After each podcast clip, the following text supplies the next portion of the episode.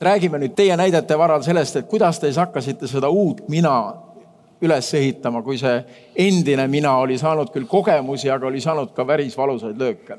aga elu oli siiski sees, nagu sa rõhutasid. no nagu ma ütlesin, et mind äratas üles, mitte mingid raamatud, see äratas üles Riina, kes oli minu kõrval kõige raskemal hetkel.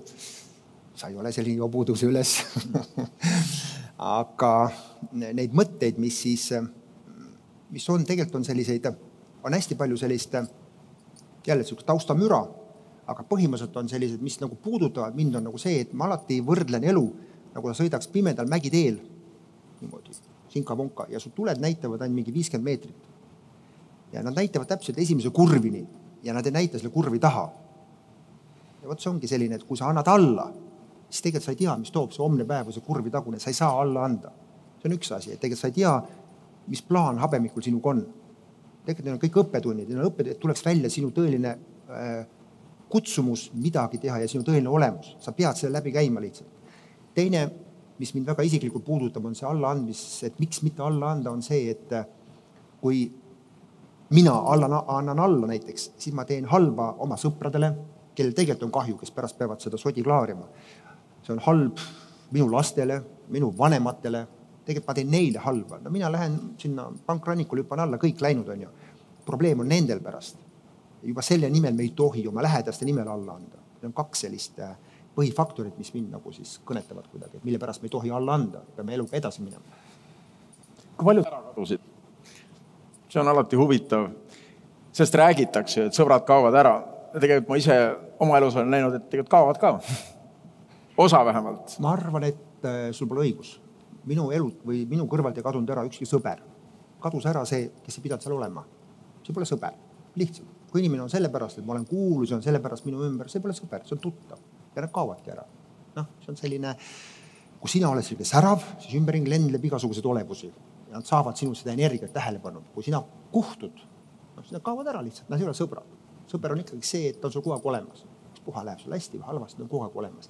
ja kui me arvame, et meie ümber kaovad ära sõbrad, ei kao, see lihtsalt ütleme, selline õhk puhastub ja see peabki nii olema, see on väga hea. sa näed ära, kes on kes. kuidas sina hakkasid siis sealt enda mina jälle üles ehitama vaikselt? see algus oli päris keeruline, et äh, sa olid nagu ristteel ja sa isegi ei teadnud, et päriselt nagu mida edasi teha, sest. enesetapu mõte tuli ka pähe? Sul... korraks oli küll, jah. noh, nagu ma ütlesin, ma tahtsin ka selle raamatu kinni lüüa siis tuli lähed edasi. et korraks kuskil taustal käis, no jah, et mitte otseselt, aga ütleme, see on nagu see kõige halvem. see oli see hetk jah, nagu ma rääkisin, kus kõik olid mul kukil ja siis ütles süda ka veel üles, ma ütlesin, me enam ei jõua mm. -hmm. habemikul vist enam midagi proovida ei ole, aitab küll, et see mäng on läbi mm. -hmm. ja vot see hetk mm, oli jah. mul oli sama tunne ja, et lihtsalt see, nagu tunne, et sa oled nagu niisugune kahetsus tuli sisse, et sa oled nagu nii palju vaeva näinud ja omast arust nagu oled teinud südamega, omast arust oled nagu õigesti kõik asjad ajanud ja ei ole kellelegi halba teinud, ei ole kellelegi. keda sa süüdistasid? maailma majandust kõiges selles, mis juhtus? otseselt ei süüdista, päris aus olles ma ei süüdistanud kedagi, ma süüdistasin iseennast pigem nagu kogu aeg, et mul.... samas teadsid sa ise ju. no ise tead, aga, aga, aga see süütunne, mis ma ennemgi välja tõin, et et sa ikkagi ei olnud nagu piisavalt hea järelikult, kui sa siin oled praegu, onju. et ikkagi oli see tunne sees, et sa oled ikkagi midagi nagu valesti selles lülis teinud. ja oligi tunne, et nagu, et ei jaksa enam otsast peale alustada. sest noh, ma kogu elu selle nimel vaeva näinud, oli küll kukkumisi, oli jälle tõusmisi, aga nii tugevat asja ei olnud nagu kunagi kogenud, et need kukkumised olid see hetk olnud võib-olla, kui sul ei olnud veel peret ka nagu äh, kõrval, kõrval ja vanus ka just, et kõik asjad kokku nagu ja tundsid, et nagu tõesti ei ole enam jaksu edasi minna. aga siis lihtsalt võtsidki iga päev üks päev korraga, hakkasid nagu väikeste sammudega liikuma. kuidas? üks prosa korraga. üks prosa korraga ja just, et, et oli mingi hea, aga õnneks ma sain sellest ja ma näen, kui palju tänapäeval ka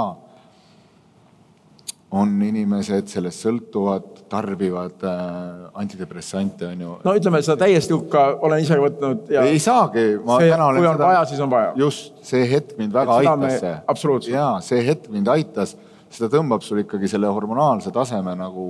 sest ühel hetkel ei saa aru, mis see just, keemia läheb natuke sassi ju peas. just, ma mäletan veel mingi hetk, kui mul olid, olid nagu noh, täpselt nagu Meelis ütles, et noh, kõik asjad, kõik, mis tulla saavad.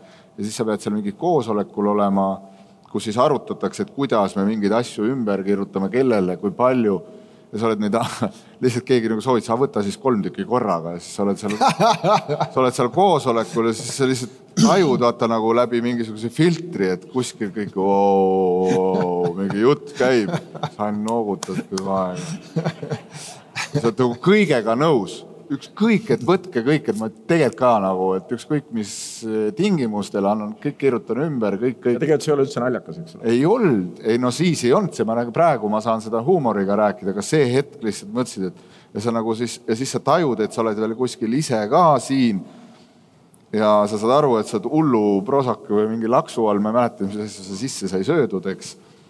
ja, ja lihtsalt see oligi see hetk.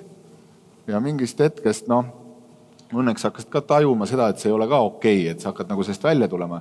see väljatulek hakkab sellel hetkel, kui sa tajudki, et sul hormonaalne see seisund hakkab tagasi tulema, et see kõik, mis see mingist hetkest, kui ma alguses rääkisin, et see tuli nagu üle keha susse sisse, et see hakkab nagu tagasi minema, et sa hakkad jälle asjadest aru saama, sul hakkab mingi lootus, sul hakkab nagu valguskiir tekkima sees, et, et tegelikult on võimalik siit jälle uuesti nagu edasi minna ja võtadki sammhaaval minu näiteks samm hakkas sellest, et äh, ma sõitsin Soome. Mm.. mõtlesin, et äh,, et äkki siis kõrval naabrid aitavad hädast välja. Et võtsin mingi posu näidiseid kaasa oma tuttavatelt sõpradelt, et äh, kes ütlesid nagu, kes tahtsid, et davai, et äh, meil ei ole Soomes veel äh,, meie toodang ei ole Soomes sees ja läksin siis Soome sain kuskilt tuttavate tuttavate kaudu teada, et seal on mingi korter, kus on siis üks tuba vaba, kus elavad siis veel eh, kolm naist, kes on siis tehases tööl ja sina saad siis rentida mingi raha eest selle toa ja elad seal toas ja siis lihtsalt äh, hakkasid äh, käima. Hommikust õhtuni, käisid neid firmasid läbi ja ja veel ma mäletan, ma isegi hakkasin suitsetama, ma pole kunagi suitsetanud, ma mõtlesin, et see suitsetamine ka aitab nagu, et see iga kord, kui sa alustasid seda suitsu tõmbamist, tundus, oo nüüd tuli lahendus nagu. et nüüd läks heaks ja siis, kui suits oli otsas, siis mõtlesin, et kurat, ikkagi perses on ikka kõik noh ja, ja, ja seal Soomes, no mis siis juhtus, no tead. alkohol. vot see oli huvitav, et äh, ei olnud alkoholi pigem oli see suits. ei olnud alkoholi, ei olnud isegi isu käia kuskil väljas, ei olnud nagu isu, isutanud üldse alkoholi järgi. ma olen nagu ülimalt, ma ei tea, üllatud ja tänulik, et see nii läks. sest tegelikult läheb teistpidi üldiselt nagu ja narkootikumid ja alkohol on üsna tavaline selliste puhul ja mul just nagu keha ütles, et üldse ei taha midagi kuulda-näha. kuidas sul läks? alkoholi, narkootikumi, suitsu? noh, narkootikumidel on põhimõtteliselt ei, suitsule ka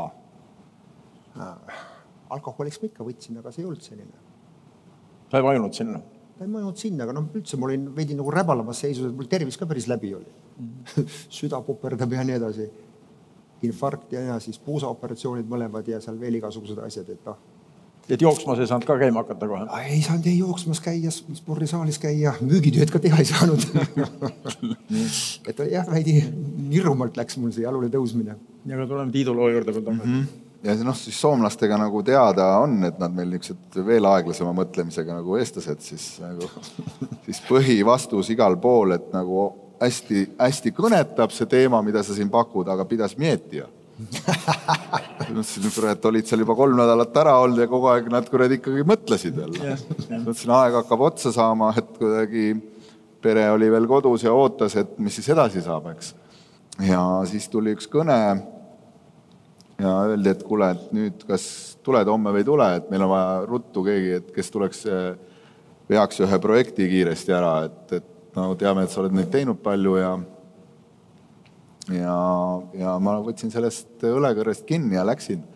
ja ma arvan, et see ongi täna ka, et üks olulisemaid asju, et ükskõik kui nõme, ükskõik kui nagu ebareaalne see võib olla see pakkumine, tundub alguses või et nagu tekitab niisugust, ma ei tea, mingit häbitunnet või et, et sa nüüd nagu astud nagu korraliku sammu allapoole tagasi, et see ei ole ju üldse nagu võib-olla sinu vääriline asi, siis tuleb kõik ego lahti lasta, et nagu kõigest lahti, et võta kohe kinni, et ükskõik kui hull see asi tundub, et sellest tuleb kinni võtta, sest see tõstab sind jälle sellesse tegevusse tagasi, hakkab sulle seda sisendama, et sa saad nagu ülihästi hakkama nagu asjadega ja ja kui inimesed ka märkavad seda, et sul on ikkagi kogemus, et äh, selja taga sul asjad sujuvad ja sa jagad matsu, et, et siis teed selle projekti ära ja mingist hetkest jälle tajud, et nüüd ma saan jälle oma laevaga edasi sõita, et seda oli vaja nagu selleks.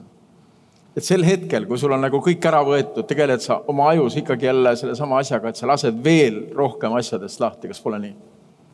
sa mõtled materiaalsest maailmast või? lased lahti üldse mõtetest, vajadustest, asjadest, näed, et asju saab hoopis vähemalt, vähematega saab läbi, lihtsamalt saab läbi muidugi saab läbi, kui sul need asjad ära võetakse, muidugi saab lihtsamalt läbi kuidagi kogunud, kogunud ja korraga sa hakkad lahti laskma ja siis hakkab kergemaks minema. no eks see jupp jupi haaval lased lahti, kui just ära ei võeta, kui võetakse korraga ära, siis lased korraga kõigest lahti.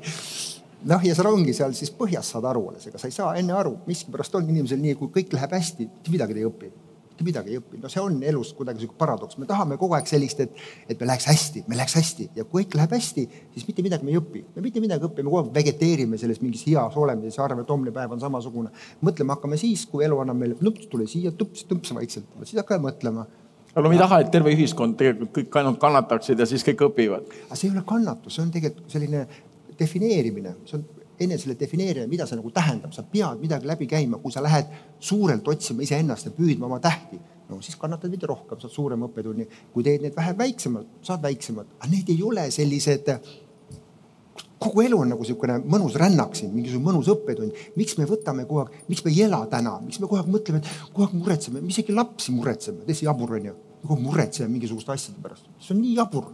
aga, ja see kõik hakkab siit pihta, täpselt meie enda suhtumises kinni kogu aeg muretseme, kuidas see ja kuidas see ja, ja, ja kuidagi tegelikult elu on tegelikult sihuke hästi huvitav ja kihvt koht. suhtuksime õieti mm., suhtuksime positiivselt ja mõnusalt sellesse. Lähme edasi sellesama mõttega, et uksed hakkasid korraga avanema, see on väga huvitav mõte. et mul oli ka üks selline periood, ma esimest korda toon ka sõna mina siia sisse, kui ma arvasin, et uksed ongi kõik kinni ja kõik rääkisid, et oot-oota natuke, kui sa mõtled oma plaanid läbi ja hakkad siis ennast üles ehitama, siis uksed avanevad ja mis ongi hämmastav, et nad hakkasid avanema mm. -hmm. ja isegi sealt, kus ei oodanud, et, et see ongi tegelikult väga huvitav, et kui sa, kui sa alla ei anna, siis tegelikult seda märgatakse ikkagi ka ja hakkavadki uksed avanema. nii sellega on ja, ja kui sa isegi mingil hetkel. kuidas seda seletada? või see ongi mingisugune müstiline? Äh, ei ole siin, ma arvan, et see on niisugune, vaata see hetk, kui sa enam ei võitle olukorraga kui sa nagu aktsepteerid seda hetke, mis on, siis hakkavadki asjad muutuma. niikaua, kuni sa võitled ja sa nagu üritad minna sinna, kus sa tegelikult võib-olla ei peaks üldse minema, et, et või, või, või üritad seda vana ikkagi jääda sellesse vanasse kinni, et no ei, ma lähen ikka uuesti tagasi ja, ja hakkan ikka nagu tegema sedasama asja, sest seda ma olen ju teinud. mis siis, et sulle on juba öeldud, et kuule, et võib-olla vaata nüüd, et see ei olnudki võib-olla sinu tee ja ma ise noh, kes palju millessegi usub, nagu mina usun sellesse, et on siin veel peale meie midagi, eks, mida me ei näe. ja mingit pidi nagu öeldakse, et äh, ka, et siin inglitel on päris äh, hea huumorisoon vahest. Äh, sul siis inglitul on, on habemik, habemik, eks. no sul on inglid, kellel habemik, eks, et kes millessegi usub, aga millessegi ma arvan, et on õige uskuda, onju ja siis hakkavadki juhtuma ja mingi hetk, kui sa oled nagu elus, noh, mind näiteks niisugune asi, et äh, lihtsalt mingist ajast ma alguses arvasin, et teen seda enda lõbuks, et õpin nagu inimeste tead keha peal tööd tegema, nende sidekoega ja vaatama, kuidas nende, kuidas su nagu sinu emotsioonid on seotud sinu kehaga, sinu stressiga, sinu igapäeva heaolutundega.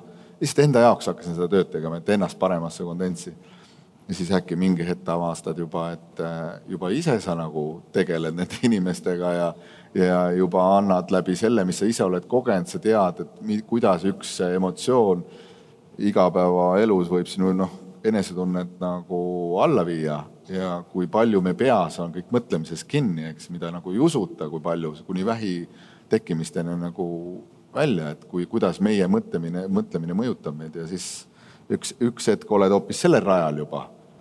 elu sees ei oleks kunagi uskunud, et, et tee viib sinna või siis istume siin nüüd kolmekesi ja mingisugune, ma ei oleks ette mingit pidi kujutanud, me korraldame siin nagu niisugust vestlusõhtut ja jagame oma kogemusi, et äh, lihtsalt see ühe, üks päev korraga elamine. et mina näiteks täna olen isegi seda meelt, et noh, ühtepidi öeldakse, et üliõige on võtta ette nagu siht ja mõelda selle sihi peale, eks, et nüüd ma saan nagu presidendiks ja mind ei huvita üle laipade. ma teen kõik selleks, et selleks saada. Aga vahepeal sulle pakutakse võib-olla kümmet veel veel ägedamat võimalust, aga me ei näe seda lihtsalt, sest me oleme nii kinni oma eesmärgis, ühtepidi mingi eesmärk peab olema, eks, aga kuidas lase see eesmärk nagu selles mõttes lahti, et ära mine sinna nagu hambad ristis, vaid kuula, märka igapäevaselt, mida sulle nagu, mis märku, mis märke sulle visatakse ette, on ju, mis su enda sisetunne räägib. aga kui me oleme niisuguses hullus rattas sees, ületöötanud, pidevas kiirustamises, et hakkad märkama, kuidas sul hakkab nagu juba vaikselt nagu tervisele tunda andma, kuidas sa hakkad nagu ärevus hakkab tõusma, kuidas sa ei pane enam tähele, kuidas sul ümberringi tegelikult kogu aeg äh, sinuga räägitakse. Et minu jaoks on see oluline hakata nagu pigem slow down, võtta aega maha, pigem tegelikult nagu sa ütlesid ka, et et see väärtushinnangute ümbervaatamine kindlasti toimus siis tegelikult hakkasid aru saama, et ükskõik mis, et kõige olulisem, et sa ise oled heas tujus. ma mäletan ühte hea, ühte momenti, kui sihuke nagu oligi see kõige-kõige aeg ja tead, sõitsid veel ise niisuguse kalli uhke autoga ja ja tegelikult tuju oli täiesti allapoole nulli ja siis sa nagu kuskil valgusfoori taga jäid seisma. kõrval istus nagu perekond niisuguse hästi lihtsa autoga, niisugune tundus, et nagu isegi ime, et see auto üldse sõidab ja vaatasin neid inimesi, nad olid nii õnnelikud, nad naersid kõik, nad, tajusid, et nendel on muud asjad nagu nii paigas, vähemalt see hetk mulle tundus no,. tundus. tundus vähemalt, eks. Ja siis sa hakkasid nagu mõistma, et aga kurat, mis kasu sellest on, et mul on selline nagu uhke auto, on ju, võib-olla nii-öelda olid suured ärid, et kas see on siis see, mida ma tegelikult sisemiselt tahan, on ju. et see, see, see hetk sa hakkasid nagu täiega nagu ümber mõtestama kõike seda olemust, et ma ei ütle ka samamoodi nagu Meelis ütles, tegelikult on e-, raha on energia, ma ei ütle, et see on vale, nagu tihti juhtub, eks, kes võib-olla liiga tugeva mingisuguse mataka elult saab, siis nagu kas siis minnakse nagu hästi süvausklikuks või siis me lihtsalt unustatakse see materiaalne ja öeldakse, tõstetakse käed üles ja mind ei huvita enam mitte midagi, et ma annan nagu kõik ära ja ma ei taha enam kuulda millestki, aga minu arust see ka ei ole õige, et et ma arvan, et, et niisugune materiaalsus on okei okay ja see peabki olema ja ka siis, et sa muudad suhtumist sellesse, et sa ei, sa ei aja seda taga nagu ninast veri väljas, vaid pigem sa nagu suhtud sellesse teise, teistmoodi sulle tundub, Meelis, siit jääb kõlama just äh, Tiidu jutust, et mõõdukus on see tegelikult, mida me avastamegi kuskil elu keskel, et, et ei saagi elada võib-olla täiesti äärmustest äärmustesse. et kui sa hakkad korraga saama aru, et tulebki tasakaalust kuskile jõuda, siis läheb nagu kuidagi kergemaks no see on täiesti õige, see isegi ütleme, kui me, ärme nüüd räägi sellest raskusest väljatulekut, aga ütleme, kui me elame sellises suhteliselt kiires elus, noh, sa, tööasjad, veel mingid asjad, siis kodus käid lapsi lapseaeda viimas või ma ei tea, whatever, mingisugune tegevus. sa pead leidma sellise asja, mis sind tasakaalustab, mis siis stressi välja viiks. noh, on see sport, on see, ma ei tea, sõpradega kuskil väljas istumine, on see veel mingid tegevused, sa, sa pead leidma selle, et elu oleks tasakaalus ja siin, kellele, mis see tegevus on, see on niivõrd erinev. mõni tahab metsas jalutada, ma ei tea, mina tahan sporti teha, ma tahan sõpradega veini juua, Itaalia toitu süüa, see kõik on fine, aga sa pead leidma endal, mis on niisugune, annab sulle sellise positiivse energia, mis tasakaalustab elu. aga kui palju mängis sinu niimoodi uuesti tulekus rolli see, et korraga said aru, et, et sul on ju ka vanus juba teatud, et me, me ei ela, me teame, võib-olla elame meie generatsioon, ma ei tea, kaheksakümmend viis, üheksakümmend, no loodame et aga me ei olegi enam, me olemegi juba seal teisel pool selles elutsüklis. et siis pool aega on läbi, on ju? et noh, et pool vähemalt. aega, no loodame, et ei ole, aga no kuskil poole peal me ikka äh, vähemalt mm -hmm. oleme nojah. mina sain korraga aru, et oi, aga ma olengi jõudnud siia poole peale juba. ja kas see muutis midagi? ja see muutis, korraga sain aru, et tuleb hakata elama seda elu, mis ma tahan elada. mitte seda, mis mul, mida mult oodati. ma ei mõelnud selle vanuse peale, ma kuidagi, kui ma avastasin iseennast kes ma olen, mis ma olen, siis ma sain ela või tähendab aru, et ma tahangi elada seda, mis mina tunnen, mis hetkel hea on. ma tahan jalutada, jalutan, tahan kirjutada raamatut, kirjutan, tahan rääkida noorte ja koolis, räägin et ei ole tähtis olla enam mingisuguses rattas midagi taga ajada. noh, nagu ma ütlesin, materiaalne on ikkagi meie elus tähtis, ilma selleta me ei saa hakkama, on ju. aga see on lihtsalt elu üks osa. samas nagu materiaalsuse koha pealt on mul selline, et tegelikult see ühiskond või see aeg, kus võidab see, kes on kõige rikkam surres, see on läbi. inimesed võib-olla ei adu, aga see on läbi, see maailm on läbi, kuna see maailm see meie maamuna, see ei kannata välja e-, enam seda, ütleme sellist majanduslikku suhtumist lihtsalt nüüd ütleme, see majanduslik tegevus, kui sa teed midagi, et raha teenida, aga sellega teed ka inimestele head. ükspuha, mis siis on, teed sa parema maja või teed sa parema panga, on ju. Mis ütleme siis teeb inimeste elu lihtsamaks, lihtsamaks, kergemaks, läbipaistvamaks, odavamaks, see on hea. kui sa sellega raha teenid, super, sa saad rahaga ka midagi head teha ju. minu meelest see on vale maailmas on, noh, ärme nimes ütle, aga mingisugused tüübid, kes on sellised suured heategijad, noh näiteks kõigepealt ta koorib spekuleerib naela ja dollari kursiga, teeb kogu Inglismaa elanikkonna vaesemaks. Ja nüüd ma mängin sellist heategijat, vot nüüd ma käin, võtsin ju sada dollarit, nüüd käin, annan sinule ühe ja sinule ühe ja tervitage mind ja ma olen heategija, see on bullshit, see on pask, see on selline fassaad, mis on vale. kui sa teed midagi hästi inimestele lihtsamaks, paremaks, teenid raha ja seda kasutad selleks, vot see on fine. et tegelikult selline raha teenimine ja siis teistele inimestele midagi positiivset andmine, vot seda tuleks kuidagi siduda ja seda tuleks hakata propageerima. et see on õige asi. samamoodi, mis mind isiklikult väga häirib, kui me läheme, hüppame nüüd teisele teemale natukene, mind isiklikult õudselt häirib selline, kui me räägime Eestit, meie ühiskonnas. me oleme niivõrd ilus, ilusas kohas geograafiliselt asetseme, super koht, suvi, talv, väga ilusaid väikseid linnakesi, inimesed näevad super noh, head välja võrreldes paljudega, on ju, väga targad, nutikad kõik. aga miks me oleme nii negatiivsed üksteise vastu, kuradi pärast, miks me ei võiks paremini läbi saada? miks, miks, miks, miks, vot see küsimus on. Ja nähtavasti see hakkab sellest, et iga inimene peab selle sees leidma, ma olen seda päris palju äh, kusagil sõidan taksoga, räägin erinevate inimestega veel kuskil kohtan, siis ma küsin, et aga miks ja kohe hakatakse, ei noh, Toompea, ma ütlesin, mis sa Toompeast räägid, et hakka endast äkki rääkima. ei noh, Ameerikas on sama hull, mis me Ameerikast räägime? siis me jõuame sinna, et lapsed käituvad niimoodi, noh, aga äkki hakkaks nagu iseendast seest vaatama, miks me sellised oleme. mina olen endaga nagu leidnud selle, et, et mind näiteks ennast, ma tunnen heaolu, kui ma saan kellelegi positiivselt midagi teha, ma olen ise positiivne, ma kirgan välja seda. minu meelest see, kui ma teist verbaalselt valan mingi pasaga üle, siis tegelikult see hakkab minu sees pihta, et mina ise olen tegelikult sees selline. aga vot seda, sellele peaks hakkama tähelepanu pöörama ja sellele peaks hakkama mingeid seletusi leidma, et tegelikult me peaks jõudma kuidagi nagu meie siis väikses kodus, mis on Eesti sinnamaani, et need inimesed tegelikult, kes teistele teevad halba, solvavad, alandavad et see ei ole enam, see ei ole enam cool, et nende inimeste peale teised inimesed vaatavad, ei, sellega ei taha tegeleda, ta on selline, temast kleepub sellist negatiivsust.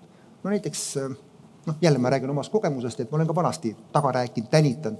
nüüd, kui ma olen mingis seltskonnas ja hakata kedagi taga rääkima, siis ma ütlen stopp, stopp, stopp, stopp, stopp, kas me lõpetame selle jutu või ma lähen ära. see ei ole hea, see ei ole õige. see on, see on niisugune, pärast on niisugune tunne, nagu kas endale mingisugune virtsaämber pähe valatud, noh. tegelikult see hakkab kõik meie enda sees pihta. samamoodi on selline need tunduvad nagu pisiasjad, aga elu ongi pisiasi. vaatan vahel, küsin mõlema tuttava käest, et, et mida sa seal oma lapsega teete? ei, me kasvatame teda. ütlesin, ärge kasvatage teda, ärge tülitsege kodus. inimesed ju kogu aeg, eriti lapsed, kogu aeg lindistavad, mis te käitute. ja te võite ükspuha mida rääkida, tarka ja sõnu, me kasvatame. kui teie käitute halvasti, teist õhkub negatiivselt, laps lindistab, seal on pärast samasugune. see kõik on niisugune negatiivsus, negatiivsus, aga kusagilt tuleks hakata seda muutma et see ei ole cool, see ei ole hea. ja see hakkab pihta meist endist seest, igast ühest. Tiit, on need ealised iseärasused, et me neil teemadel siin räägime? kindlasti. keskikka jõudnud keskea-kriis on ju ja et noh, kes ostab endale suurema mootorratta, on ju. kes vahetab naise välja. kes vahetab naise välja, kes teeb Malge. suurema maja. et eks ta kindlasti on seotud, et eh, tihti sa arvadki, et, et see kuidagi muudab sind, et, et, et sul läheb enesetunne paremaks, no ei lähe noh. ei lähe kuidagi see asjadest, asjadest paremaks. no sina vaatasid ka passis olevat aastaarvu, sünniaastat ja mõtlesid, et, et tuleks midagi muuta, et juba päris tea. palju on elatud ka juba. ma ei ole kunagi nagu seda, vaata see num-, minust on ka nagu, et see pass on niisugune number, noh, kui sa hakkad keskenduma sellele numbrile ja oled selles numbris, oi, nüüd on, näed, nüüd, nüüd tuli nagu mingi null, et, et oi-oi vist enam. no aga nagu Meelis ütleb, kehas hakkavad mingid organid üles ütlema ja no me vananeme, midagi ei ole teha, eks ole. ei tea, eks kindlasti hakkab nagu, enam ei ole see, et vaata, mida noorem sa oled, et et seda ühtepidi, seda kergemalt sa võtad asju, eks, et mäletad ise, et noh, kui olid nagu noor, siis vaatasidki, et nagu mingi kolm-neli nädal aega pidu panna polnud nagu üldse küssa, noh nüüd käid ühe õhtu ära, siis mõtled, et kurat, kas nädal on juba pandud pidu või? aga kas ei tulene see kuidagi nagu sellest, kas te pole tähele pannud kuidagi see, kui sa oled noor, sa jooksed, sa isegi ei mõtle, kuhu, sa kogu aeg jooksed, jooksed, jooksed. mida vanemaks saad, siis sa juba tead, kuhu sa lähed ja lähed oma tempoga vaikselt. see ongi mõõdukus.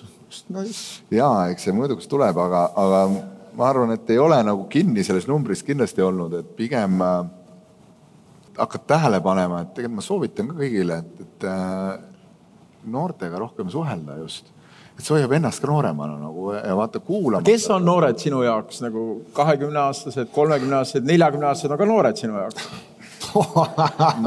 jaa, absoluutselt. kui noortega sa siis suhelda soovid? ei no ma, mina olen valmis nagu ütleme, et isegi kahekümne aastastega suhtlema, et ja, ja päri ja, ja, ja sellepärast, et sa vaata, sa näed, vaata selles vanuses veel eriti see silm särab, eks noortel, et sa näed, et neil ei ole nagu mingit elukoormat seljas, neil on nagu kerge, helge olla. Nad ei mõtle. et, et vaadake mind ei no ma arvan, et pigem ma loodan, et ma saan ikka eeskujuks olla, et sellega, et, et, et see silm ei kustuks ära, et ega neid raskusi tuleb ju elus nagunii ja vaata, kui pere juba, siis hakkavad lapsed sünnivad, eks siis hakkad nagu juba teistmoodi, kõik hakkab muutuma.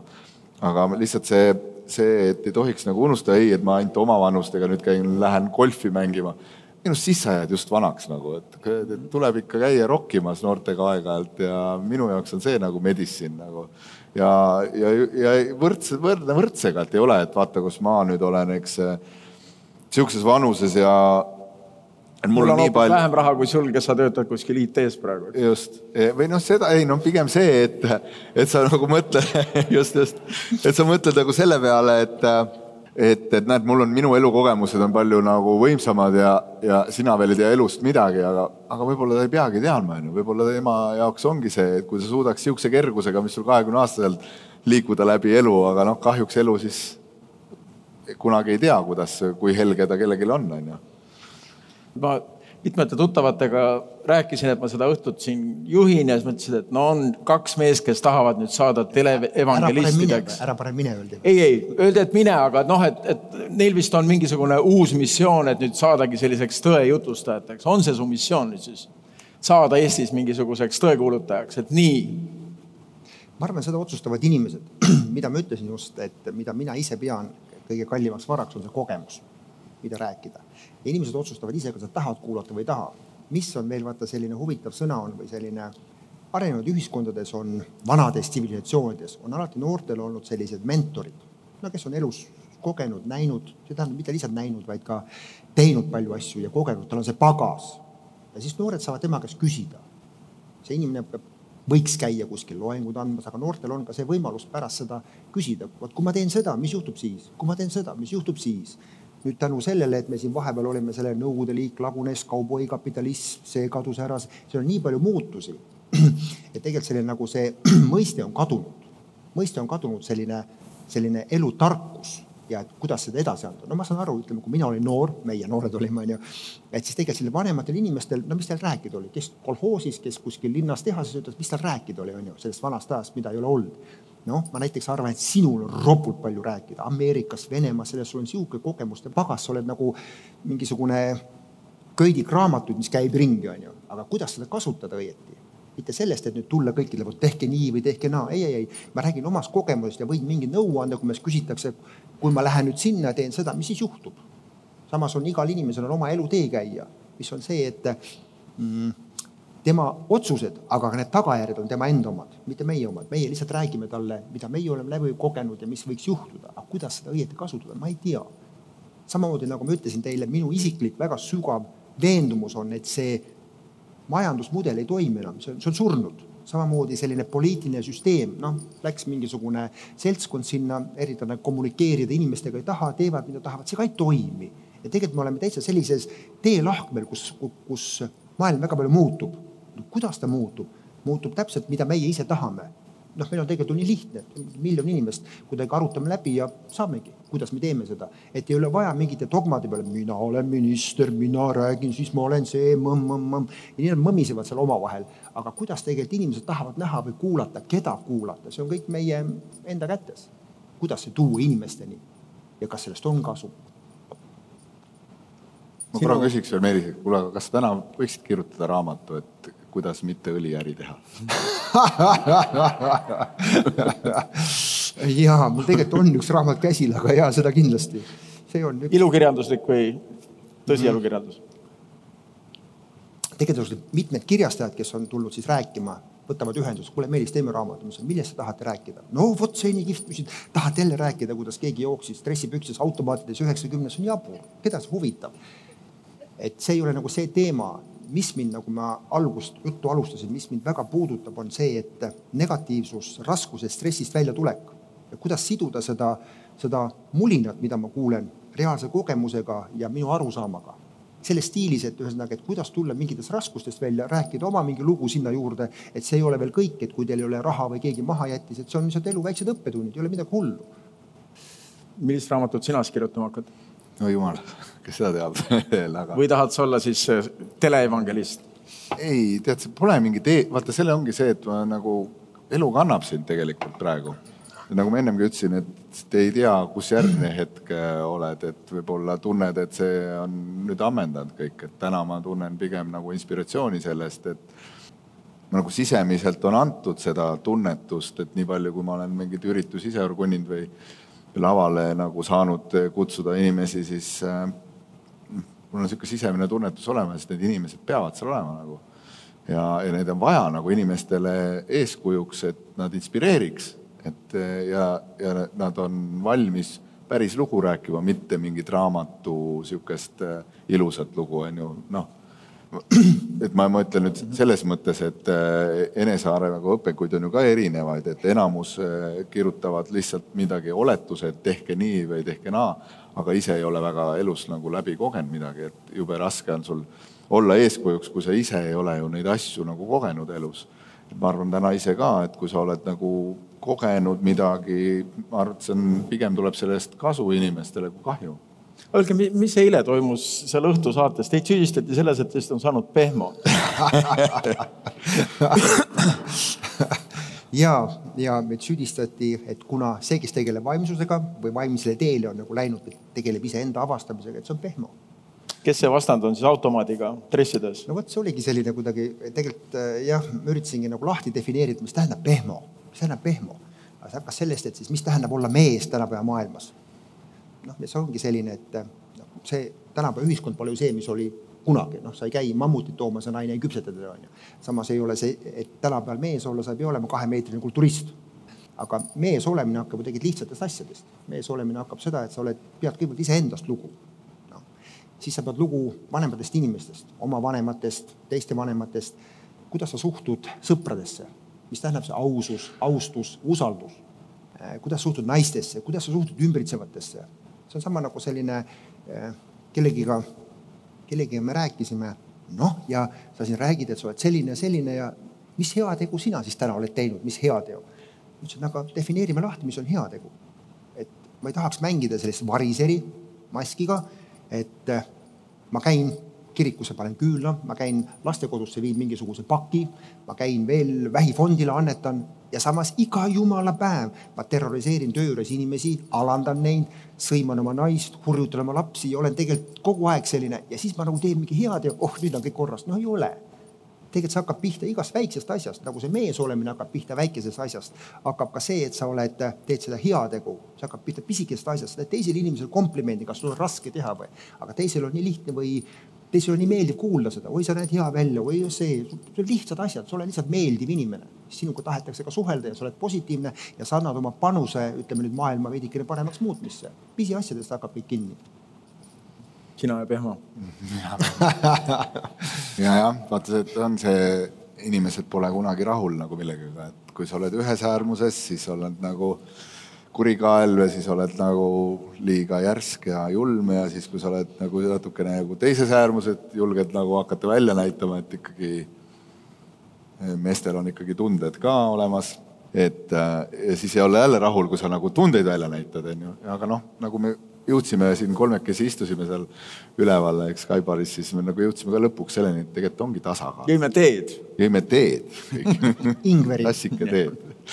Ja, ja, ja jõudsimegi selleni, et tasakaal, et ma ei, noh, ma olen nõus sellega, et sa ei saa nagu kogu aeg käia, et et ma olen nagu mehena, et oi, ma olen nüüd nii, nii tundeline ja nii õrn ja et, et ma nüüd, et ma olen liiga, siiamaani olen valesti elanud ja ma olen liiga nagu julm ja niisugune järsk ja otsekohene olnud ja nüüd las ma nüüd olla see teine pool elust nagu lilleke, eks. aga see ei ole õige nagu, et ma arvan, et see on nagu igas ühes peab lihtsalt, sa pead seda tajuma, et vastavalt olukorrale, et sus on need kõik pooled olemas, on ju, ja ma arvan, et noh, ma ise ka õpin seda kogu aeg ja ma ikka vajun mingitesse äärmustesse ära. aga ma arvan, et iga päevaga rohkem ja rohkem nagu olen selles tasakaalu pooles ikkagi. teate, ühe küsimuse ma tahan ikka veel küsida. Soomes vannutati just paar tundi tagasi ametisse kolmekümne nelja aastane, vist oli kolmkümmend neli, naispeaminister, maailma noorim. kuidas üks selline viiekümnendates Eesti mees näeb sellist asja, et seal teisel pool lahti hakkavad tüdrukud riiki juhtima? kas suudab üks Eesti mees aktsepteerida seda? vabalt, vabalt, täitsa vabalt.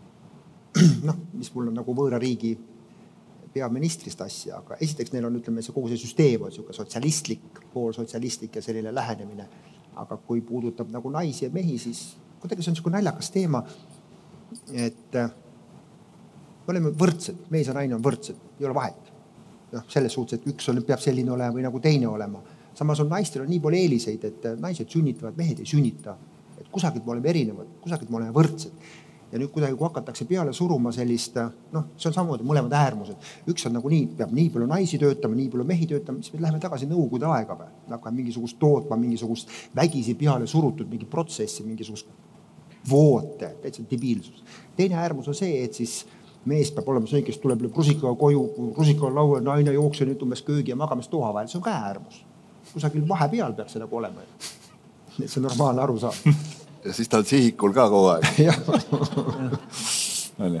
kuidas sina näed seda? tead, see minu nagu mõte on, mõte on see, et niikaua kui need, tegelikult on ju, oleks äge, kui see oleks võrdsus, et olekski sama palju mehi kui naisi, eks see nagu parlamendis, aga, aga niikaua kui need naised näeks ka välja nagu naised, et ilma no see munad... Soome peaminister näeb väga hästi. no just, et, et see on nagu äge ja et, et sa ei näe, need tagant munad ripuvad, eks.